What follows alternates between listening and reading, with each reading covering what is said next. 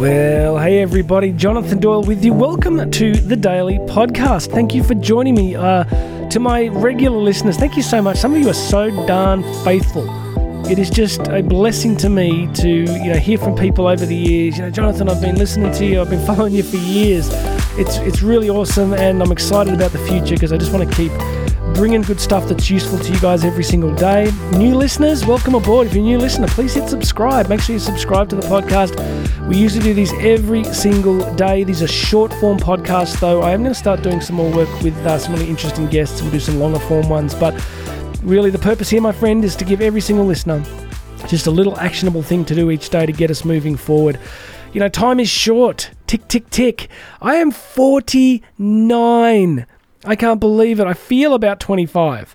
Uh, though I do a lot of training, as many of you know, and my body's been trying to get my attention. It's like, Jonathan, Jonathan, we need to talk. So uh, I got to behave. I got to be careful about how much I do. But uh, you know, I'll be 50 soon. 50. So I'm really aware that while I feel young, my kids are still young. That uh, time is short. So I'm, you know, I've wasted years not being where I wanted to be, not, um, you know, I've, like many of you have had battles with, you know, challenges like depression, anxiety, and different things over the years. But uh, really excited about what's still possible and how we can change. And you're on this journey with me because everything I share with you or teach you is something I'm trying to still really exemplify and execute upon myself. So please uh, know that you are on the journey with me. And um, look, there's a link here. There should be a link if you want to book a 30 minute call with me. I uh, it's a 30 minute discovery call. It's called a discovery call because we just discover where you're stuck business, life, health and fitness, particular areas. So uh, if you want to grab 30 minutes with me, go and check that out. All right. I want to talk to you today about responsibility for your state.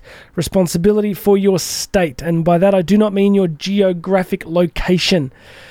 It's the government's problem, your state, your physical state, your geographical state, but your personal state is up to you. Now, what do I mean? I want to try and just really simplify it. I, I was sharing this with uh, with a guy the other day. Our state is basically our, our level of physiological arousal, or you know, is disarousal a word? Because that physiological state tends to create so much of our experience of life. Put at its most simple level, when you are in a rested, energized, positive physiological state, you tend to interface with life very, very differently. If you are in a negative physiological state, you tend to make uh, your journey in life tends to be a lot harder. So, some of you are listening going, well, yeah, obviously, but friends, it is not obvious. In the minute to minute experience of each day, most people just do not get this. They do not understand the significance of this. I can put my hand up and say, This was me for a very long time. That you let life happen to you instead of happening for you, by which I mean, we get into a negative state and we assume that that's the appropriate thing based on whatever story we are telling ourselves. So, usually, there's a real, what I would say is a compenetration here, a, a cyclical relationship sometimes we get into a, uh, you know, we get some news or some information or we have an experience that is not to our preference. Then we begin to tell ourselves a story about what it means. Then we begin to collapse into a negative physiology. Now, that's really important, that word collapse.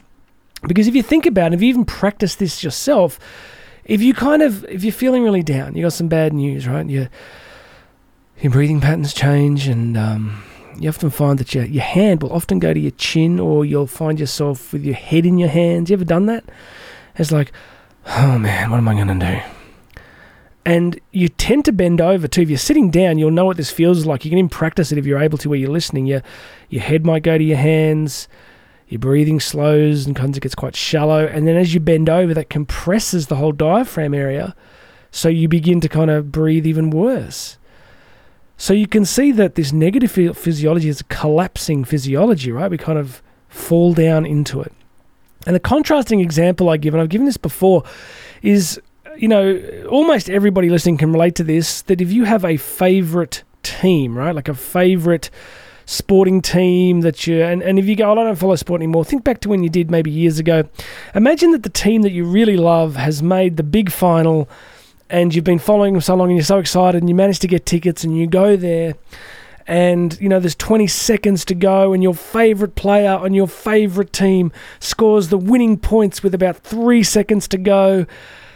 Right at that moment what is your body doing? Like you don't tend to find yourself sitting there going oh, I'm glad we won. That was um that was a little stressful but uh, looks like we um looks like we won. Yeah it's great. It's really good it's not what happens it's not what happens at all can you imagine that? Like you're normally jumping, your fists are in the air, you're like breathing differently, you're high fiving complete strangers, you're hugging people you've never met.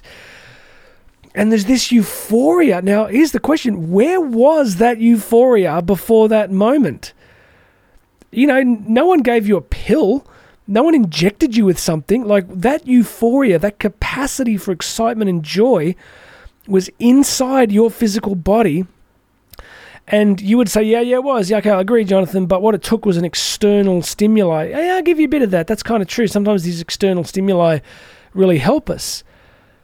But what if you could actually take a bit of control of this and say, well, okay, if my body movement, if my breathing and body movement actually changes my physiological state, how am I moving and using my body regularly? Know, what am I doing? You know, how do I tend to kind of move through the world? Now, I want to say to you now that if you start to change any of this, let me let me be very clear with you. It's incredibly hard. I think all of us get trapped in certain roles. So as I began to learn this stuff, I began to to move more and, and, to just stretch more and move my body differently and speak a little differently. And my kids have this joke because once I began to learn this stuff, I used to, you know, I'd be in the car and for no reason I'd just go, whoa, just yell it out. And my kids would be like, okay, what is that? We were down the coast last weekend spearfishing and I'm driving along and my kids and I'm like, whoa, just like yelling and laughing. And they're going, Dad, what are you doing? I said, I'm just happy. I'm just happy. But I knew what I was doing. I was actually taking responsibility for my state. And some of you are listening, go, man, this is crazy talk. Like, you really think we're going to do this? No, probably most of you won't and some of you will stop listening and some of you will unsubscribe. But I'm talking to the to the percenters of here, the, the few percent people who are listening going, This is interesting. He's got a point here. I wonder what it'd be like. Maybe I have been a bit slumped. Maybe I have been a bit like this. And so responsibility for state is really important. So I just uh, this morning, Karen had to drive into state. So I said, "Hey, I'll fill up the car for you because I'm just a great husband." Karen, if you're listening, you, you're a very lucky woman. And so I'd go to fill up the car for her, and it takes a while because we got a, a, big, big four drive. And uh, it's taken ages, and I'm just there, and I remembered what I was going to talk to you about today. And I'm like standing taller, and I'm stretching while filling up petrol. It wasn't easy, but I got it done. And I'm breathing, and I'm talking to myself, and I'm sure a couple of people like, mm, this guy's insane. but I feel better. And when I feel better, I'm a better me and I'm better with my kids and I'm better doing this podcast. So, the idea that I want to put in your head today is responsibility for your state. How are you moving? How are you breathing? I'm not saying that you have to start some massive new exercise program. I'm just saying start paying attention to your language, to your breathing, to your shoulders, to your stretching, to your how you move through the office, how you move through the home.